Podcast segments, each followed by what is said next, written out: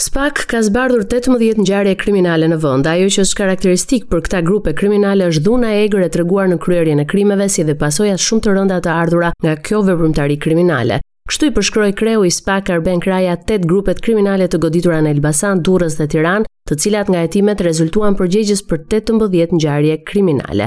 18 persona u arrestuan, mes tyre dhe shefi i krimeve në Lezhë, Leonard Palushi, akuzuar për shpërdorim detyre i implikuar me anëtarë të grupeve. Pjesë e shtetasve të implikuar në këtë ngjarje janë dhe persona të arrestuar më herët, 14 të tjerët janë shpallur në kërkim, një pjesë personazhe të rëndësishëm të botës së krimit. Kreu i SPAK tha se drejtuesit e grupeve paguanin vlera të larta monetare për ekzekutimin e kundërshtarëve.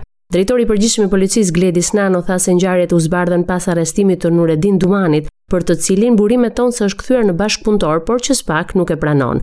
Operacioni është shtrirë në Tiranë, Durrës dhe Lezhë dhe në të janë përfshirë forcat Renea, FNSH, Drejtoria e Forcës së Posaçme Operacionale, Drejtoria Kundër Krimeve ndaj Personit dhe Pasurisë, Drejtoria Hetimore dhe Drejtoritë Vendore të Policisë. Spak nuk bëri publike ngjarjet e zbardhura për shkak të hetimeve që vijojnë, megjithëse tha se janë autorë të vrasjeve dhe atentateve me lëndë shpërthyese që nisin që nga 2011-a. Burime të policisë thanë se mes të shpallurve në kërkim janë edhe disa nga personazhet më të njohur të botës së krimit. Gjatë operacionit në banesat dhe hotelet e anëtarëve të grupeve kriminale, U sekuestruan 3 armë, 2 antiplumbe si ato që përdor policia e shtetit, municion luftarak, 17000 euro, automjete e sende të tjera të përfituara nga veprimtaria kriminale. Me ftesë të fondacionit gjerman Körber Stiftung, kryeministri Edi Rama dhe kryetari i grupit parlamentar socialist Taulant Balla morën pjesë në një bashkëbisedim me parlamentarë të gjitha forcave politike në Bundestagun gjerman. Në fokus ka qenë e ardhmja europiane e Shqipërisë dhe ndikimi i luftës në Ukrainë në rajonin e Ballkanit. Kryeministri në Berlin u takua dhe me drejtuesit e dy forcave kryesore politike gjermane të socialdemokratëve dhe të kristiandemokratëve. Ai u prit edhe në një takim nga ministrja e jashtme Annalena Baerbock.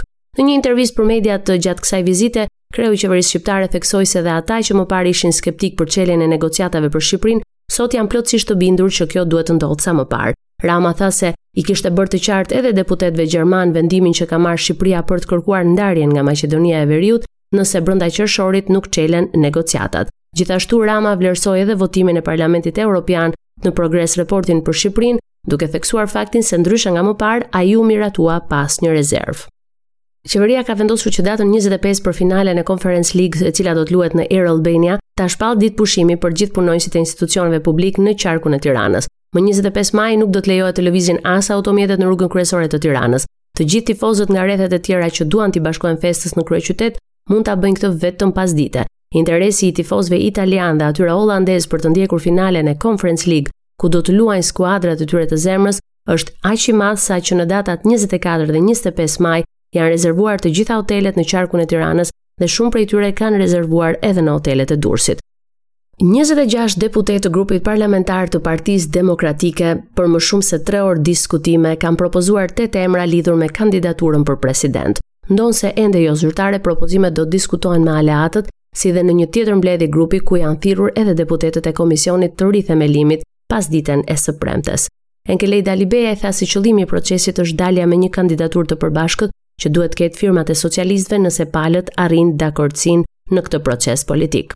Unë nuk marr garancinë as nga Taulant Balla, as nga Damian Gjiknuri, as nga Edi Rama, nga askush. E drejta për të propozuar është e opozitës. Katër emra, prej këtyre katërve të zgjedhin dy. Midis dy kandidaturave do duhet zgjedhur një për të shkuar me një kandidaturë të vetme.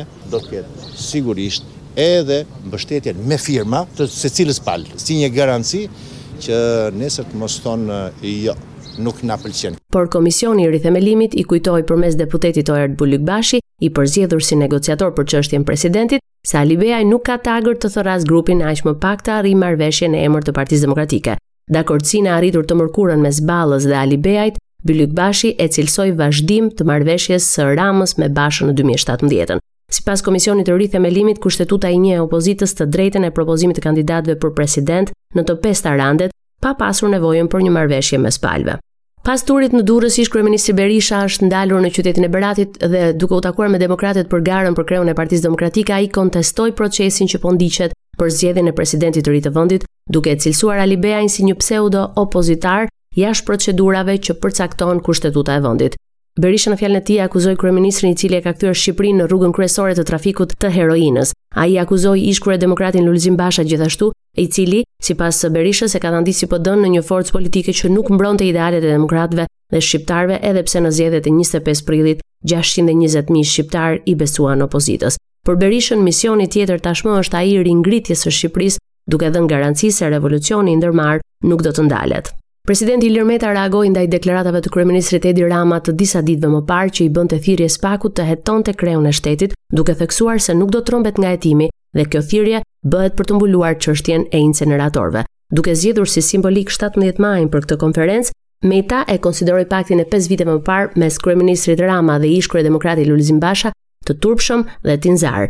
Kreu i shtetit deklaroi se do të ngrejë padi penale kundër gazetës vieneze për artikullin ku pretendohet se ai kishte paguar 700.000 dollarë amerikanë për një foto me presidentin Donald Trump. Meta gjithashtu theksoi se më 25 korrik, një ditë pas mbarimit të mandatit presidencial, ai do të nisë menjëherë angazhimin politik, pasi sipas tij shqiptarët mezi po presin një leadership që mban fjalën dhe jep llogari për çdo nivel. Raportoi nga Tirana për Radio SBS Gerta Heta.